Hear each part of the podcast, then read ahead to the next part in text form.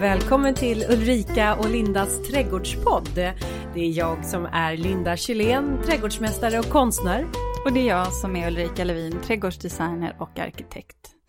Linda, idag ska vi faktiskt prata om frukt och bär.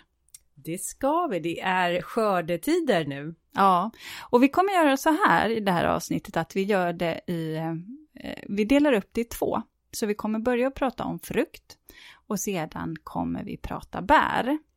Men du, vad har hänt sen vi såg sist? Alltså jag har knappt tittat upp från paletten. Jag bara målar och målar och målar just nu. För nu är det inte många dagar kvar till eh, min utställning eh, med konst, måleri, eh, även eh, tillsammans med en keramiker som ska visa sin keramik. Och sen sommarblomsodlingen. Jag skördar sommarblommor och binder buketter och de kommer också vara med på den här konstutställningen. Och vilket crescendo. Jag fick ju följa med i förra Eh, förra gången vi sågs ja. så var vi ju på Överjärva gård. Eh, och så fick jag ju säga, herregud. Ja, eller hur? Va? Det var ett eh, överdåd ja. av blomster. Ja, nej, det är, eh, det, vi har titel på utställningen. Det är ju organiskt, keramiskt, eh, moleriskt och botaniskt. Ja. Ja, det är bara en vecka kvar nu va? Drygt. Ja, knappt en vecka kvar. Ja. ja. och sen mm. har jag varit på TV4 på Nyhetsmorgon och där har jag också pratat om eh, att eh, man kan faktiskt fortsätta odla trots att vi har kommit in lite i slutet av sommaren. Men det är inte för sent. Och så klock, såklart också självplock som har öppnats upp, solrosfälten. Och jag var med på TV4 här för några veckor sedan och då sa jag det ut på självplock och plocka solrosor. Och då var det några som hörde av sig till mig och sa men hallå man kan väl inte bara gå in på ett solrosfält och plocka hur som helst, det är allemansrätten.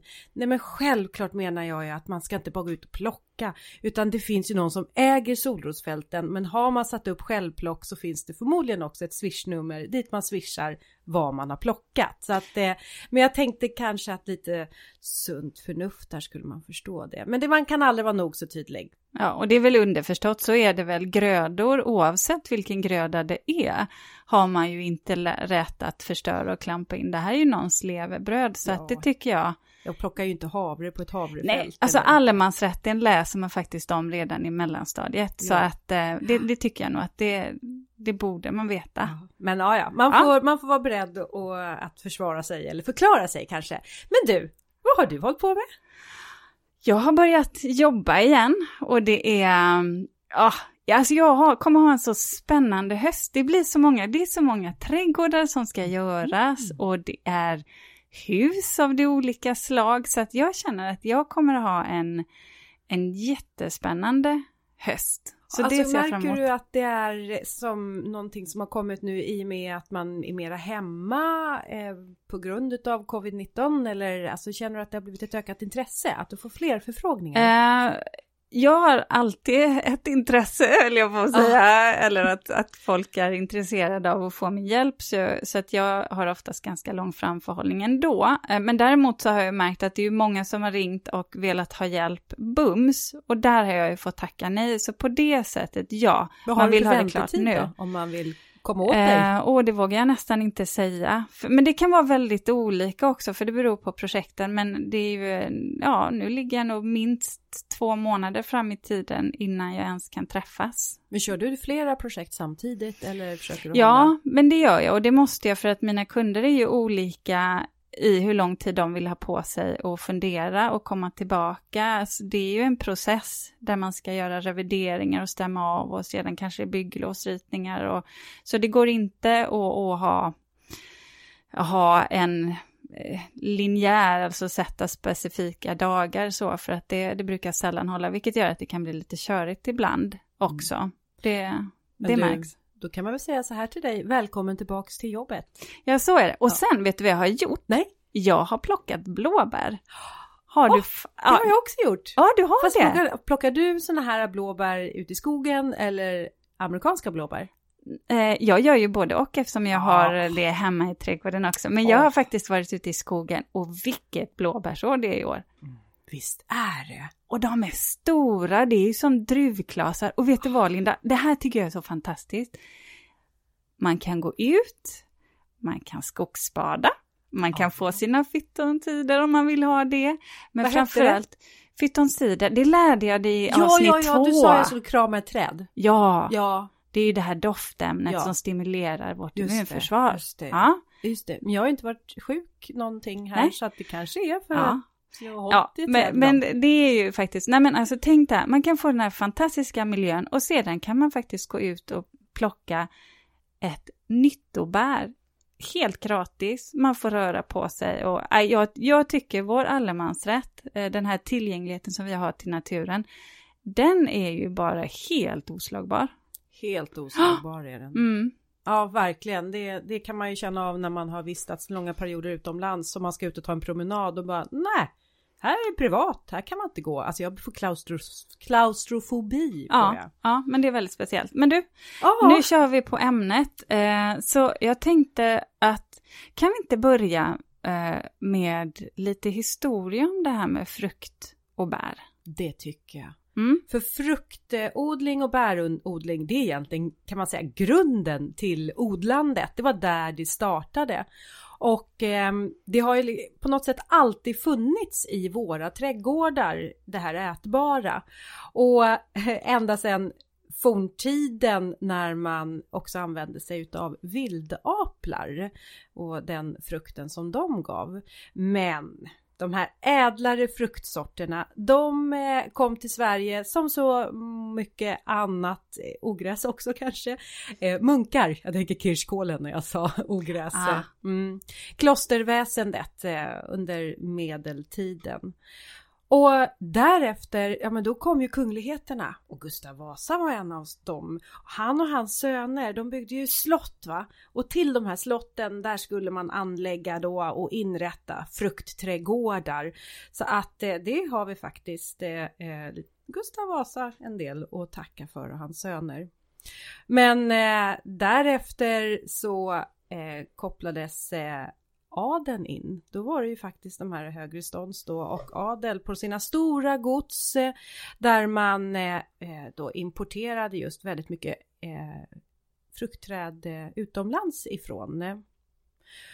Och efter adeln, ja men då kom det in bland prästerna som då anlade, de här bodde ju oftast i ganska vackra hus, påkostade hus i närheten utav sin kyrka och där hade man också väldigt vackra odlingar vid just de här prästgårdarna. Och, eh, men det var först som egentligen fruktträdgårdar och bärbuskar blev lite mera gemene man. Det var ju när hushållningssällskapen fick inflytande.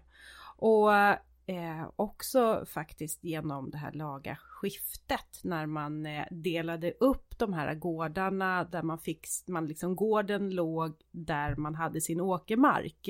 Och man då började bygga upp sina bärbuskar och ja, jag tänker på Emil i Lönneberga, var det inte körsbärsvin som han drack sig ja, de där, eh, Grisen va? Ja, de där, han skulle slänga körsbärna till grisen ja, va, och så käkade han, han tyckte de, det var slöseri för det var goda bär, så gick det som det gick. Kom inte prästfamiljen, det var väl en sån där, ja det var någonting. Men jag, jag tänker också på när du säger det, att vilket tillskott det måste ha varit rent näringsmässigt när det bli, blev tillgängligt till gemene man. Ja.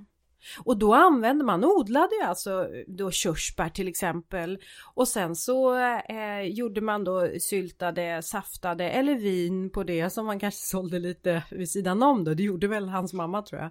Men alltså det här var ju ett sätt att faktiskt dryga ut sin hushållskassa.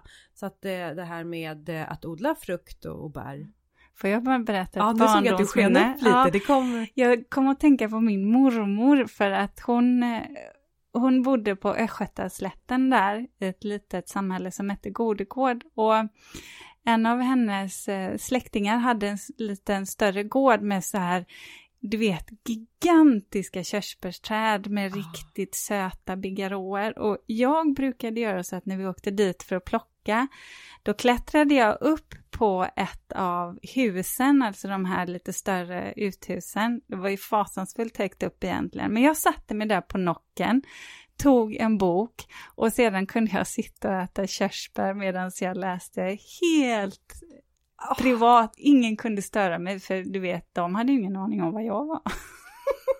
Alltså jag kan se det här framför mig, hur du sitter där uppe, upp. du har hittat liksom eh, den bästa platsen man kan tänka sig och så eh, med en bok dessutom. Jag berättade aldrig för mina föräldrar vad jag satt, för jag tror inte jag hade fått vara så, Nej, jag, tror inte jag skulle ha varit så högt upp. Men... Jag tror, jag tror att det finns någon barnbok som heter så här Ellens äppelträd eller ja. någonting, eh, Ulrikas körsbärsträd. Ja. Det vore väl någonting. Ja, ja. Ja, ja men okej, sen när vi då, om vi då vandrar vidare ifrån eh, allmoge och hushållningssällskapet, då kom vi ju faktiskt in eh, i början av 1900-talet och det var ju egna hemsrörelsen. Och både du och jag, vi bor ju i eh, egna hemsträdgårdar som är ganska terrasserade och hemma i min trädgård där har jag tre stora äppelträd planterade kring sekelskiftet då när huset byggdes. Jag har ett Åkerö, Transparent Blanche och Signe Tillich. Jag har dessutom ett eh, körsbärsträd. Men jag tror att det har funnits ett eh, plommonträd också för jag hittade en nersågad stam på baksidan av vårat hus. Och så har jag bärbuskar kvar från den tiden, eh, vinbärsbuskar. Ja, alltså det här är ju sorgligt på ett sätt, men vet du, jag har inga fruktträd kvar från som eh, då är planterade från 30-talet. Eh, och det av Har du den... tagit bort dem? Oh, jag var tvungen. Eh, för att vi skulle Oj, bygga, ja, vi skulle bygga till och i vårt område så är det väldigt, väldigt strikt eh, hur man får bygga. Eftersom det är ett, eh, ja, kulturskyddat område. Och där maskinerna, så att vi kunde bara välja en plats i princip och då skulle maskinerna in precis där träden stod. Och vi försökte spara ett träd på baksidan men tyvärr så Um, det återhämtade sig aldrig för vi tog bort en så stor del av rotsystemet. så mm. att, ja. Ofta så kan ju det också vara när man har gått in med stora äh, maskiner mm på, pla på platsen eller på marken, att det trycker till och gör ja. jorden så kompakt och då blir det syrefattigt. Det blir jättesvårt, och speciellt för gamla, ja. gamla men träd. Men alltså det kan jag ju ändå någonstans köpa. Det var att, sorgligt. Ja, det är, ja, men lite sorgligt. Men jag kan ändå köpa det därför att ni hade ett syfte, ni var tvungna att bygga, eller ni ville bygga för att kunna leva på den här ja. platsen. Men de där som kanske fäller ett äppelträd för att man orkar inte ta hand om all frukt.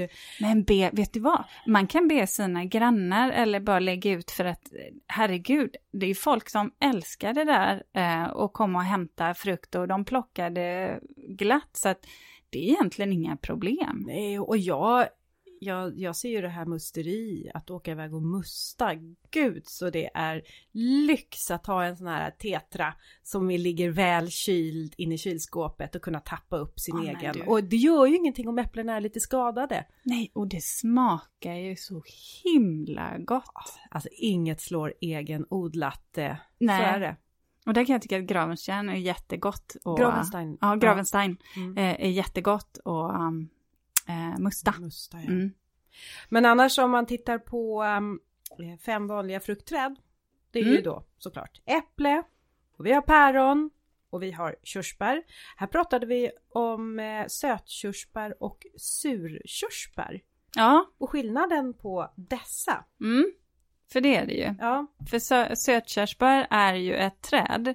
Medan surkörsbären faktiskt är eh, en buske. Eller ja, ett litet träd kan det också vara. Men ofta odlar man det som buske. Och jag brukar använda det som buske. Ja, och det slår också ganska mycket rotskott. Ja, det gör det. Mm. Eh, men någonting som ni måste testa om ni har surkörsbär hemma.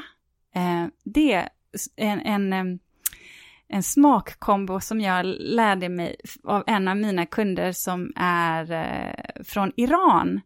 Eh, och det är att testa surkörsbär med salt. Jaha, hur då? Det... Tänker du, doppar man ja, i salt? man eller? doppar dem i salt. Måste de vara lite fuktiga? Ja, eller så biter du av en bit och så, och du vet, ja, ja. Um, så fastnar du ju på köttet och så stoppar du i det.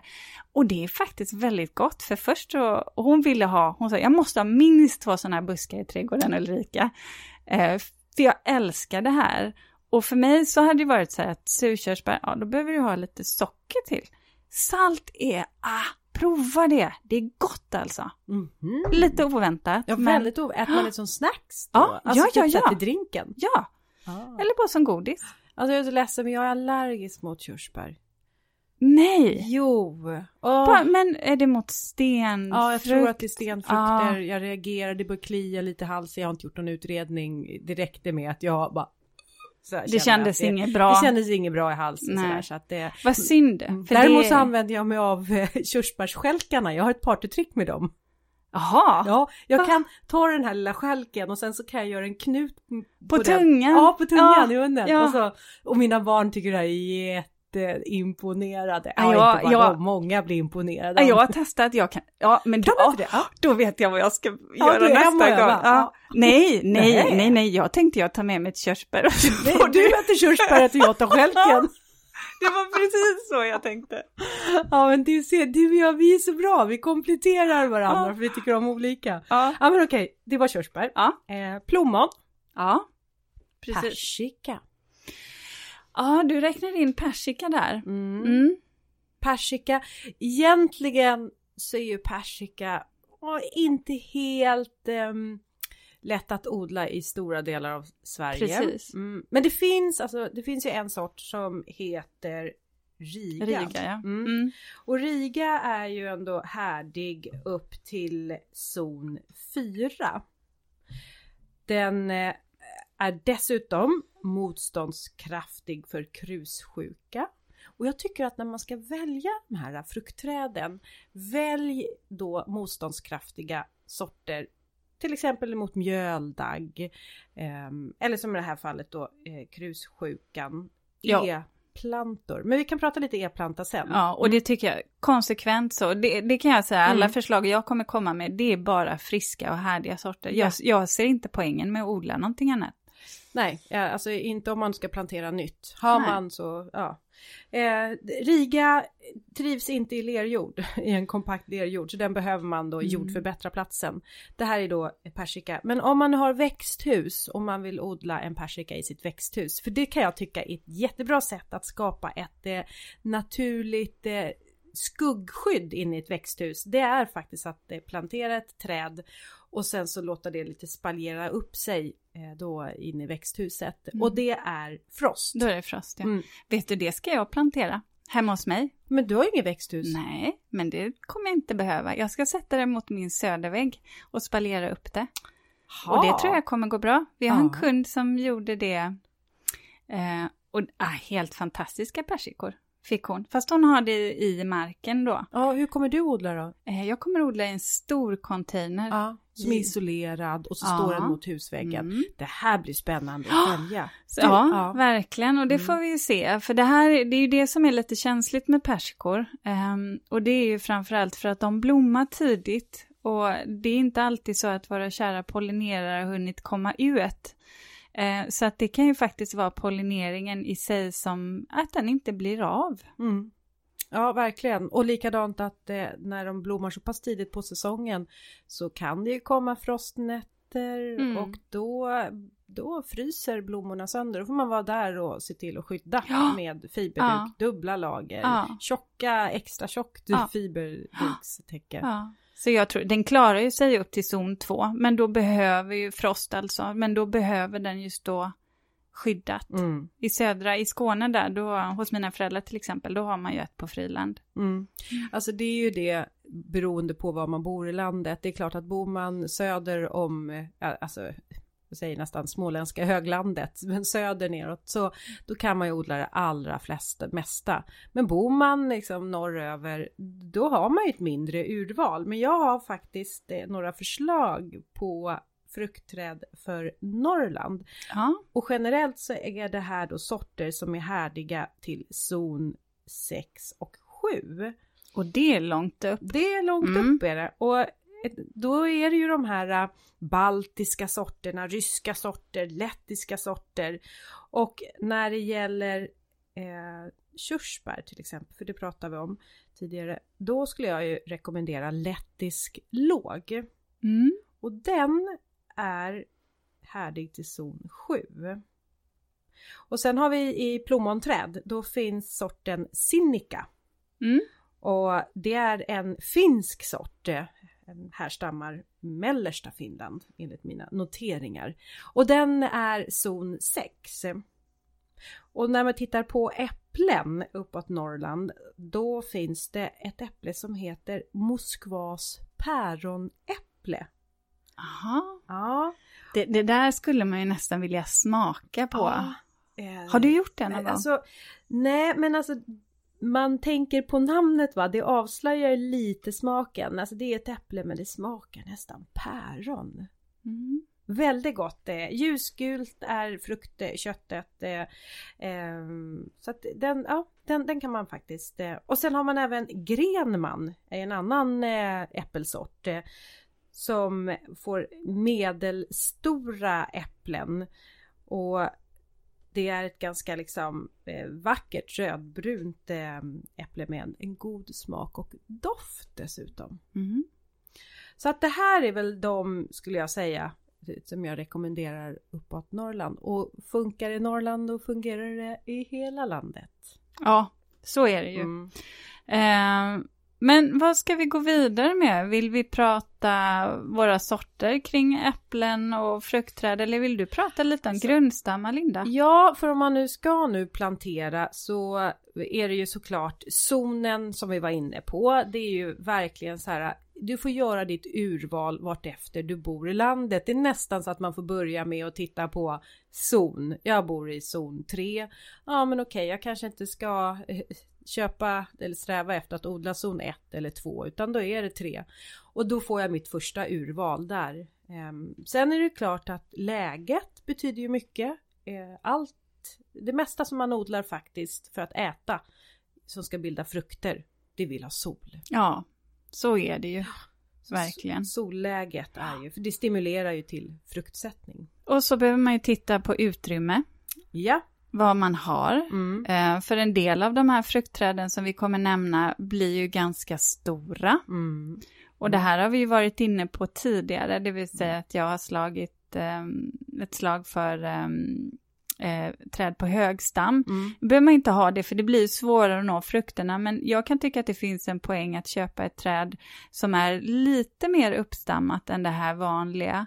Eh, för att då låser man inte en gräsmattyta eller vid en uteplats om man nu ska ha det. Mm. Vi gjorde faktiskt, vi var hemma i min trädgård och vi testade, vi testkörde med dig ja. Ulrika i trädgården. Ja. Kan du gå under grenarna? Ja. ja. Och äh, Åkerö äppelträdet, där kunde du gå under grenarna. Mm. Det var värre med äh, Signe Tillish, där, där var det... Nej, då hade jag ju blivit halshuggen. Ja. ja. Om man hade och i transparent blanche, ja det, den eh, grenen som var låg, där hade min son hängt upp en boxningssäck. Ja, mm. och så att det där tycker jag att man ska tänka på också. Antingen så får man välja ett pisslingträd eller så får man välja något på liksom, så kan man ju naturligtvis beskära fruktträden. Ja, var precis det jag skulle säga, ja. att det här måste man ju fundera på, för det är ju mm. egentligen, och speciellt när det gäller äppelträd, så är ju den här uppbyggnadsbeskärningen mm. så viktig. Men det, alltså det här med beskärning, det får nästan bli ett helt eget avsnitt. Ja, det, det, tror jag inte att vi kan komma in på för att då... Nej, det... Och det är mycket är, kunskap där. Ja, det är nästan som man skulle vilja ha en kurs i beskärning snarare än mm. bara där tycker jag att man behöver se. Ja, se. Du, ett litet tips på roligt så här. Nu jobbar jag ju så mycket konstnärligt också och tycker att det är roligt. Och när det gäller äppelträd så har jag en så japansk eh, konstform. Och många äppelträd, speciellt i alla fall mitt Åkerö äppelträd. Eh, frukterna är gröna, men när solljuset, apropå solljuset att det är så viktigt, när det ligger på äpplena då börjar de att rodna, de blir lite solbrända och röda. Så här. Och vill man skriva små hemliga meddelanden? Ja. ja. Eller kanske paxa ett äpple? Då kan man ju faktiskt ta en sån här äh, vattenfast tejp och så kan man eh, klippa ut så här äh, olika former. Mm.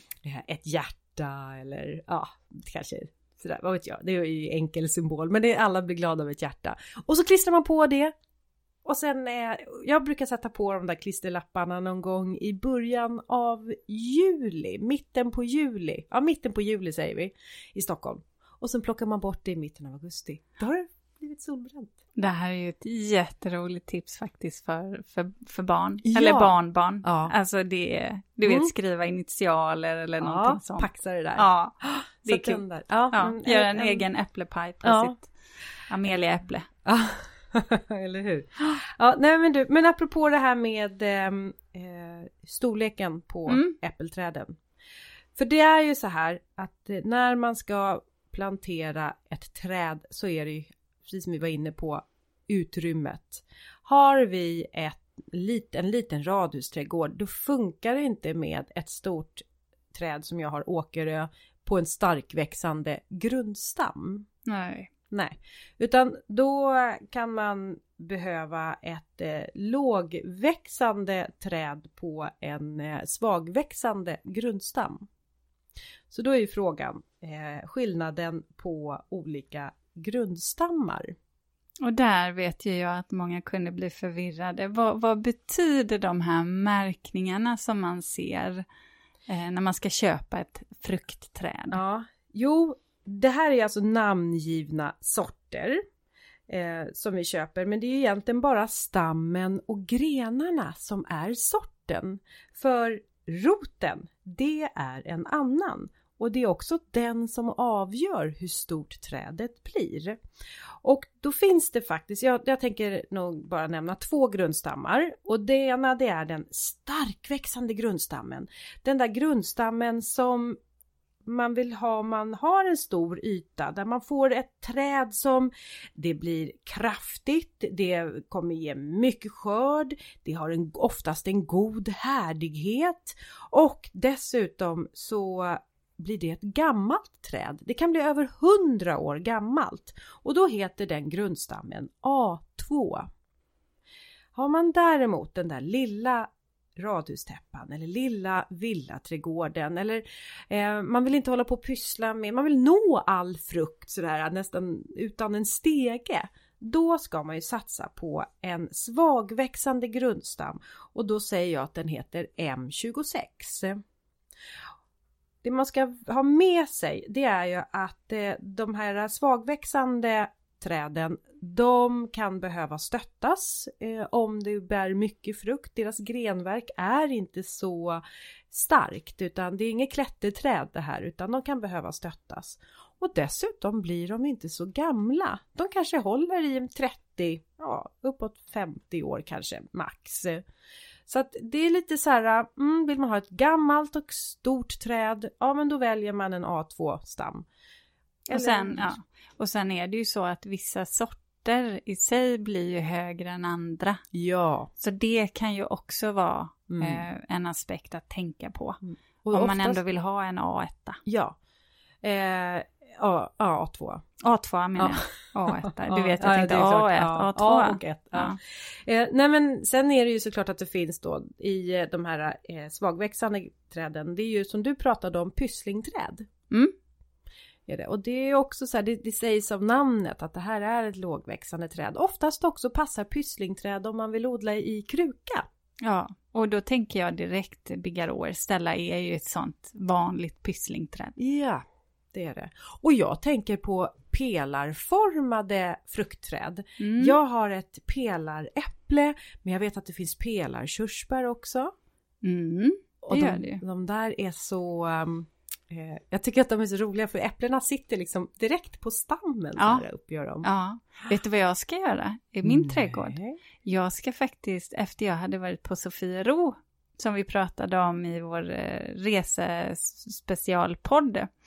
Eh, då eh, fick jag för mig att jag ska göra en portal eh, av, eller flera portaler egentligen, eller som bågar, för det blir inte, man kan inte gå igenom det, men bågar med äpplen som jag ska spalera. Mm. Jag har inte fått igenom det här riktigt hemma. Var tänkte du ha det där någonstans? Jag? Vet du vad, jag tror att de ska få gå i den här rabatten vid min uteplats där. Mm. Jag ska ha dem över så att de ska synas inifrån. Det ska följa fönsterlinjerna. Ja, eh, ja. Så att det där tror jag kommer bli lite häftigt. Eh, min make kan inte riktigt se det här framför sig. Eh, så vi får se.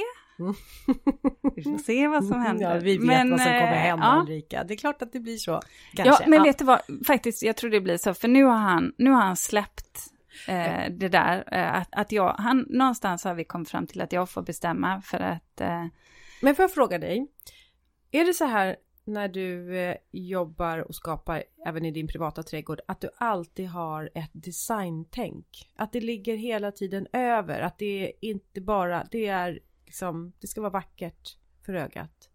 Ja, det, det, ja, när, det, när jag får fundera på det så svar ja. Och så jobbar jag även med mina fruktträd alltså och, och bärbuskar också för den delen att Um, då tänker jag ju, jag älskar ju att skapa fruktträdslundar till exempel. Det tycker jag är supermysigt. Men ibland kan det ju handla om att jag gör spaljéträd eller bågar. Alltså på något sätt ändå få in det här um, en, alltså en konstruktion det här på höjden. För det tycker jag att fruktträd tillför så mycket också estetiskt. Dels för att de blommar vackert, de får lite höstfärg och så har de sina bär, men sen är de ju också otroligt bra för våra pollinerare. Mm. Så att de bidrar ju till den biologiska mångfalden, vilket håller en trädgård.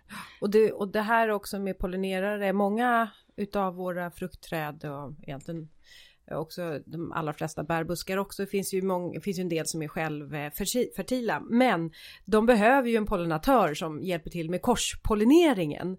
Och är det så att man bor i ett eh, villaområde eller ett tätbebyggt område då brukar man inte behöva bekymra sig så mycket om ifall man måste gå och köpa en annan sorts äppelträd för att de här två ska korspollinera sig.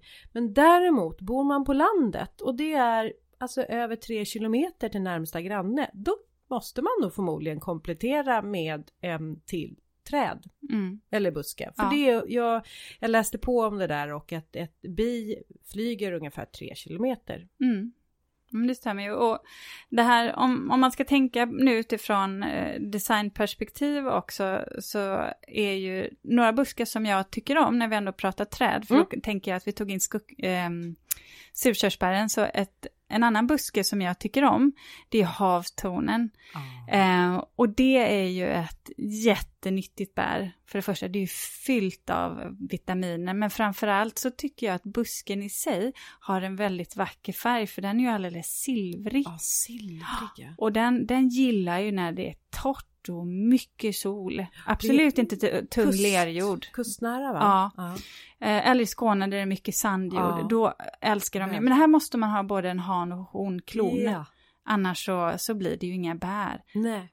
Och här får man ju tänka på också, de är ju taggiga. Ja, just det. Riktigt taggiga. Mm. Så att eh, eh, det är ju bra att tänka att man placerar den kanske inte direkt vid en uteplats där man går barfota. Nej. För då, det blir, oh. det blir inte bra stickor. Nej, nej. Min syster fick en sån i foten. Oh. Eh, det slutade inte så himla bra kan jag säga. Nej, nej men mm. bra, det där, det, det, där tar vi till oss.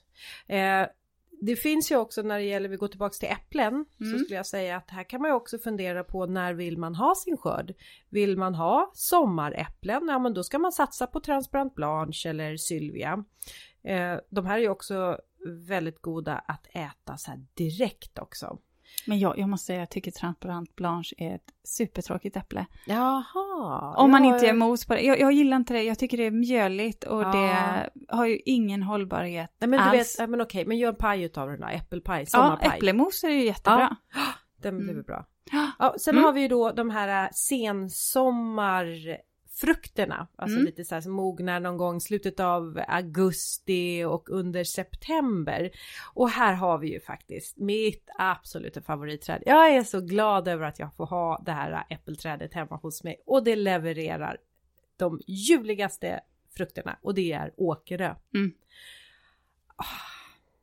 De är, de är krispiga i fruktköttet och det är saftigt och det är sött och, och de är vackra, de är så här matta är de, är mattröda. Alltså det är åkerö. Men man ska veta, planterar man ett åkerö, det är en stark, på en, förmodligen ett, en starkväxande grundstam. Det kan ta 10, 15, nästan 20 år innan du får skörd.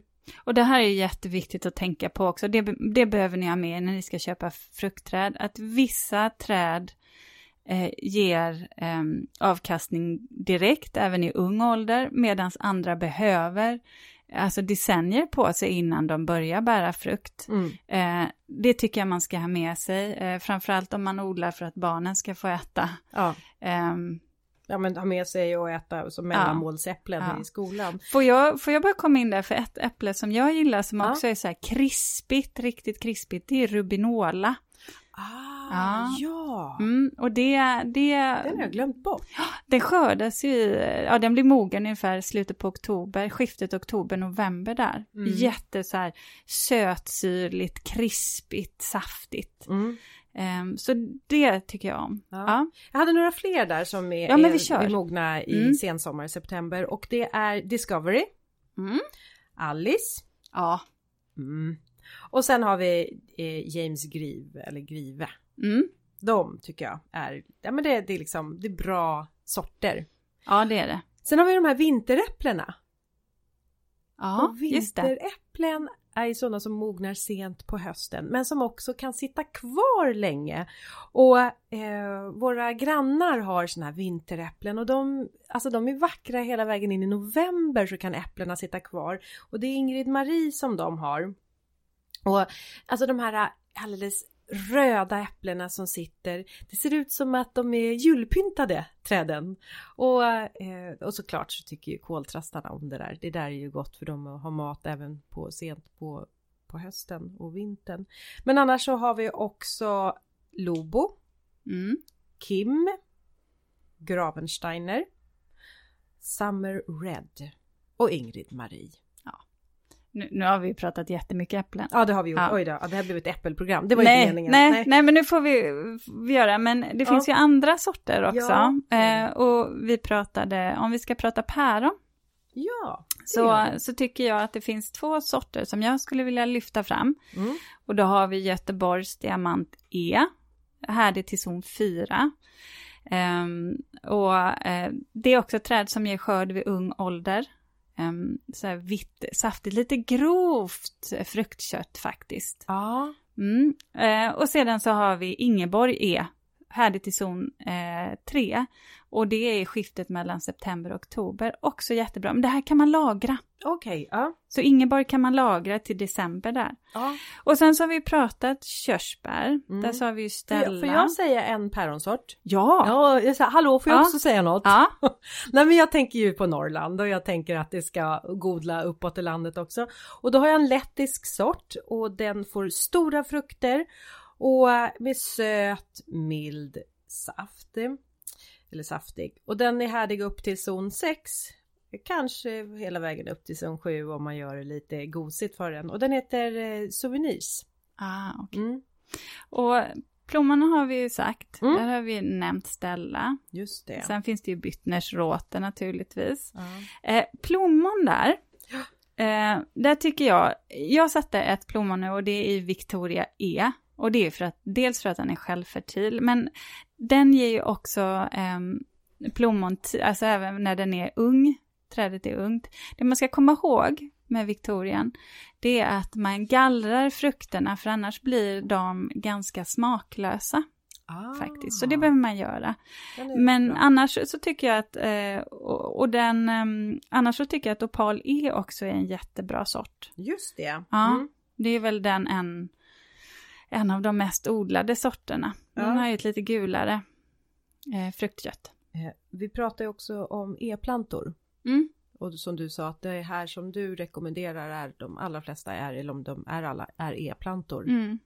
Och vad nu är en e-planta, för det här blandar man ju ihop med att det skulle vara ekologiska Nej. Men det är ju inte det det handlar om. Nej, precis. Och det här pratade vi också om mm. i eh, vårt trädprogram. Så där kan ni avsnitt två, yeah. om ni vill gå in och lyssna på vad, eh, som, vad som definierar en e-planta. Ja, alltså svenskodlat ja. och kvalitetssort. Ja. Mm. Men du, Eh, nu måste vi komma in på bären, Linda. Ja. För det här, om, om, om äpplen och så är din grej, så är bär min.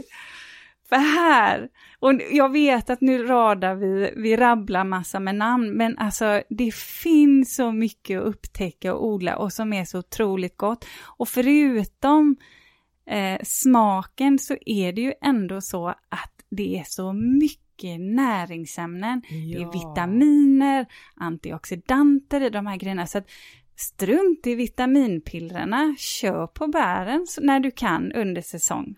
Och det är så jag använder mig utav bär, inte som vitaminpiller men det blir ju det för att jag använder mig några av bär, inte för att sylta och safta utan för att lägga på yoghurten på morgonen och eh, kanske i gröten på, på vintern. Alltså det är där frukosten. Jag har märkt att jag startar oftast dagen med bär. Ja, jag, jag, jag gör allt. Jag ja. syltar, jag gör marmelader och jag äter det natura. Jag tycker, jag tycker det är ljuvligt. Men vet du, jag ska, jag ska faktiskt berätta eh, vad jag har jag har gjort ett test här nu. Jag testade Jaha. ett nytt eh, bär som jag aldrig har smakat innan. Jaha. Och det var svarthallon. Jaha, nej det har inte jag, det får du berätta om. Um, och eh, egentligen så är det lite svårt och det är ju rubus. Jag, jag förstår det latinska eh, namnet, gruppen rubus, men jag har lite svårt att förstå varför det heter hallon, för det ser snarare ut som ett björnbär, mörkt. Eh, och det växer som ett björnbär, alltså det blir långa skott, nästan 3-4 meter höga. Eh, och, men otroligt näringsrikt, alltså så mycket om man tycker att blåbär har ett sånt här högt värde, eh, så, så var det här tre gånger så mycket. Alltså det var eh, eh, det var ett vitaminpiller, men däremot så tyckte jag att smaken var, det smakade inte så mycket. Eh, lite blommigt. Eh, och jag vet att någon beskrev det som rosigt och det är kanske där i det blommiga, men ja. annars så tyckte jag snarare, jag kommer att tänka på äpple, men den här liksom eh, friskheten i det. Äpplen, blåbär kopplade jag det till. Mm. Men nu har jag testat, jag satte två stycken hos mina föräldrar. Jag tror att de går att odla upp till zon 3. Är det svårt att få tag på de där hallon? Ja, är det det? det har, ja, för mm. vissa, till viss del. Men jag tror att det går att köpa på vanliga handelsträdgårdar faktiskt. Trädgårdsbutiker. Mm. Jag köpte ju till, jag köpte ju på, av en odlare nere på Österlen nu. Du har dina kontakter. Du. Ja. ja, så vi var där och testade. Mm. Eh, men däremot är ju hallon någonting som jag tycker om. Ja, hallon du... tänkte jag också att ja. vi skulle prata om. Vad, vad har du för sorter som du gillar? Nej men alltså egentligen, eh, jag skulle vilja säga så här att det är väl de här liksom, klassiska trädgårdshallorna, gam, gammaldags hallon, mormors hallon, Haida, Ottawa, Preussen. Den gillar jag. Den ja. går ju upp till zon 5 också. Ja. Mitt problem bara, det är att jag måste liksom bända upp hela hallonet och titta på det, syna det och granska det innan jag kan stoppa det i munnen. Därför att det finns de där små larverna som hallonängen, eh, ja, mm, från hallonängen. Och alltså jag har lite svårt, vet du vad, i somras här nu var vi hos ett par vänner och vi brukar alltid laga middagar tillsammans och jag brukar ofta få uppgiften att duka bordet. Och, eh, men idag fick jag faktiskt vara med i matlagningen. Jag fick nämligen uppgiften att också gå ut och plocka hallon. Aha. Och jag gick iväg med en stor sån här, du vet, eh, degbunke och ska gå iväg och plocka det hallonsnåret. Och inte bara det att det var hallonbuskar där, det var ju också brännässlor. Och jag trippade och jag försökte och jag plockade och jag kände jag måste ju liksom titta på varenda hallon. Aha, där var det larver och så var det larver. Och jag höll på i en timme och sen kom jag tillbaks och jag skämdes lite. Jag hade fått ihop en deciliter. Och de var så här, men, men vad har du hållit på med? Vart är en timma! Ja, jag vet, men det blir... Ja, ja, ja. okay. det är tur att vi har blåbär om inte annat.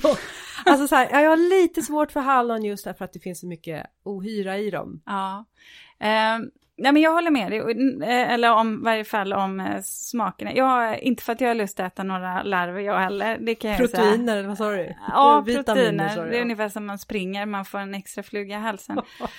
men eh, ja, nej, då hellre äter jag hellre något annat. Men eh, sen tycker jag också att man kan slå ett slag för hösthallonen, för jag är ja. ofta borta på sommaren. Mm. Eh, så att jag odlar faktiskt autumn bliss. Mm, som, som man kan börja skörda i september. Mm och Fall Gold är en annan sort. Ja. Eh, härdiga ish upp till zon 5 ja. kan man säga. Mm. Det här när det gäller hallon däremot så måste man tänka på att det här är halvbuskar. Och det som kännetecknas av en halvbuske det är att de slår ifrån sig rikligt med rotskott. Det gör de. Och det är någonting då som man kanske behöver hålla på och tänka på när man sätter i ordning sitt hallonland. Att eh, kanske ha en markduk eller någonting som gör att man förhindrar de här rotskotten. Och jag, ja, mm. och jag brukar alltid göra så att lite ur ett designperspektiv, precis som du säger, för jag kan också tycka att hallonbuskar ibland kan bli lite skräpiga. Mm. Jag brukar ofta använda hallonhäcken lite av Eh, lite i skymundan skulle mm. jag vilja säga, kanske som en avskärmning lite längre bort och inte då så att den sitter för nära några andra buskar eller eh, odlingsytor som man ska jobba med. Eh, och det kan man väl säga när vi pratar bärbuskar nu, vare sig vi pratar hallon eller när vi kommer komma in på vinbär och krusbär och så vidare. Tänk på att sätt dem bara inte rakt i gräsmattan och låt gräsmattan Nej. växa in mot eh, roten. För det, det tar så mycket näring. Mm. Har man till exempel, eh, det är bättre att göra en större planteringsyta och sätta ihop buskarna fortfarande så att de får lite luft och så mellan sig. Och sen kan man ha en framkant till exempel av smultron och då välja en sort som heter rygen som inte revar sig. Just det, mm. månadssmultron. Ja, och där är ju också smultron är ju också den här ej revande sorten är ju någonting som man kan blanda in i sin plantering om man vill ha marktäckande. Ja, mm. ätligt. Och då ska man marktäcka det, då kanske jag skulle välja eh, Fragaria moscata, eh, den som Askungen, mm. som har revande och som smakar lite mer som vildhallon faktiskt, eller vildsmultron. Ja, mm. just det. Ja. Men eh, vi ska avsluta hallon och gå vidare. Men innan vi gör det så måste jag bara säga ett ord om beskärning. Därför att eh, de här eh, trädgårdshallonen, eh, gammaldags hallonsorter, de ger ju bär på fjolårsskotten. Så det betyder att efter att man har skördat de här hallonen de här som har burit bär, då ska man klippa ner dem. Därför att om man inte klipper ner dem, då kommer de här skälkarna och kvistarna fortsätta att producera bär. Och det gör att busken utarmar sig själv. Så att den blir alldeles utmattad av att hela tiden producera bär och kan leda till då att den faktiskt tynar bort och dör. Och när det gäller hösthallon, de ska skäras ner helt efter skörd. Mm.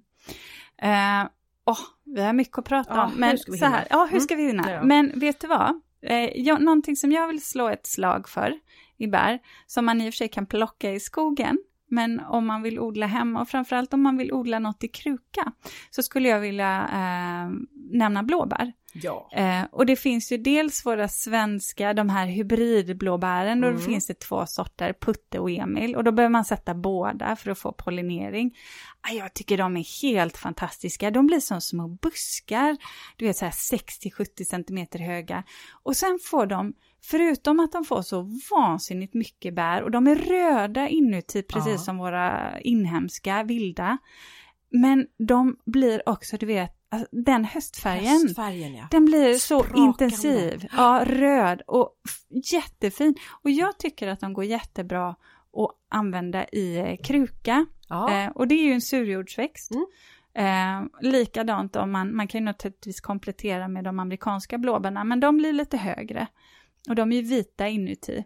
Ja, jag var hemma hos en trädgårdskompis igår och gick en trädgårdstitt hemma hos henne och då så sa hon och titta där Linda, där har jag eh, lite blåbär, smaka. Jag bara, ah, smaka, förvänta sig något surt. Och det var så gott. Så jag bara, mm. jag ska bara ta en till. Sen kändes det som jag stod och pallade hennes blåbär ja. där. Och jag kände mig lite som, hur mycket vågar jag ta innan jag skäms? Ja. ja. Men de var ju lite bra för att det, det syntes ju inte att man hade ätit, man blev ju inte blåmunnen. De har ju inte det färgämnet i sig. Nej, jag, jag har ju en blåbärshäck av de här hybridblåbären, alltså längs där ja. jag har mina björnbär också sen. Ja. Ehm, för det är också, björnbär är ju ett jättebra Eh, det är också någonting oh. som är otroligt gott att ja. äta. Björnbär, det har jag hemma hos mig och eh, men där ska man ju också vara lite så här medveten om att det här är ju en starkväxande eh, ja. växt, mm. björnbär. Men de lämpar ju sig om man vill odla lite på höjden. Om man ja. har en liten trädgård och man vill ha in bär, ja men då är ju björnbär någonting att satsa på. För där, där kan man ju faktiskt spaljera mm. upp. Eh, och det, det, finns ju taggfria sorter. Ja, lock thai. Mm, och Loch Ness va? Ja.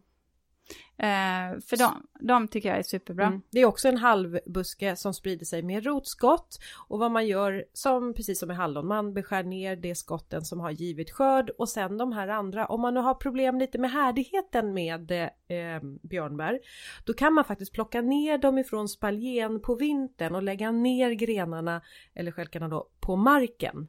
Så skyddas de då bättre ifrån eh, frost. Om man inte kan göra det, kan man täcka dem med någonting? Alltså du vet så mm. lite halm eller så juteväv eller någonting. Ja. Eh. Ja det kan det man möjligt? säkert göra.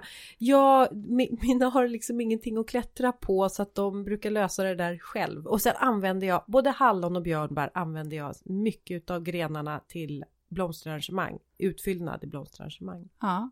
Mm. Eh, och sen, sen tänkte jag bara så här, vi har ju de här vanliga, eh, det, det lät som att de var tråkiga, för det, men det tycker jag inte alls, för jag älskar både vinbär och krusbär. Eh, men eh, någonting som, jag tänkte bara att vi skulle lyfta de vita vinbärna, för de är inte så vanliga. Eh, men det här tycker jag är ett jättegott vinbär som är eh, lite sötare om man låter det mogna. Jättegott att ha till desserter eller till marmelad faktiskt brukar jag använda den till. Ja, och jag tycker ju faktiskt att svarta vinbär är också odlingsvärd därför att den kan man faktiskt odla i skugga. Och det är inte så många bärbuskar som går att odla i skugga men, men just vinbär och eh, svarta vinbär och då finns det ju liksom the top of the top tycker jag och det är ju storklas som är resistent mot just mjöldagg och är härdig upp till zon 6. Ja, jag gillar öjebyn. Den ah, tycker ja, jag är god. Ja. ja den, men, äh, nej, men, ja. men, men, kan vi prata, hinner vi säga någonting mer om aronia?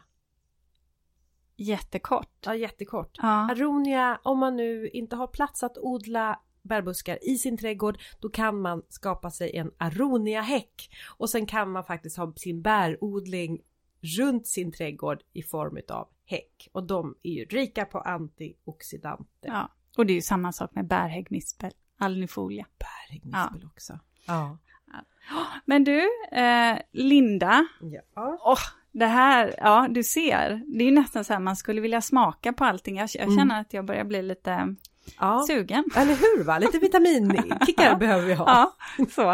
Eh, och Eh, det jag tänkte bara, jag ska avsluta med så ska vi gå vidare. För tänk nu när ni köper era buskar att ni behöver beskära era bärbuskar också i början, alltså formklippa dem. Tänk lite som ett ihoptryckt svampmoln där. Ja. Så är det, det är en ganska bra bild. Vad sa du, ihoptryckt? Som ett svampmoln, att du tar en, ett så här, och det låter som, som ja, svampmoln, Hiroshima då. Ja, usch då. Ja. Men ett sånt, det är ett svampmoln. Och sedan tänker du att du trycker till det lite. Så får man en ganska bra form på busken. Okej. Ja, inte, inte helt som ett svamp utan tilltryckt så att säga. Så att själva... Det finns jättebra litteratur också om ja, beskärning. Du menar säga. om man inte förstår om man det där med svampmoln? det där med Hiroshima. Ja, alltså, ja. Jag måste bara säga beskärningsboken. Ja. Mm. Men det, det, ska man alltid göra så att mm. man får en fin buske tycker jag mm. oavsett. Mm. Men du Linda, har du någon, ehm, nu när vi ska avrunda här, har du någon veckans spaning eller reflektion? Ja, tänk att jag har det. Eh, jag vet inte Ulrika om det är du och jag som har pratat oss så varma om hönsgödsel. Eh, men det, hönsgödsel, ja. Jo men alltså vi har ju pratat luktärtor och vad har vi sagt där i tidigare program? Att för att lyckas med sina luktärtor gödsla med kväve, hönsgödsel. Och jag har pratat om sommarblommor, hönsgödsel, gräsmattor, hönsgödsel.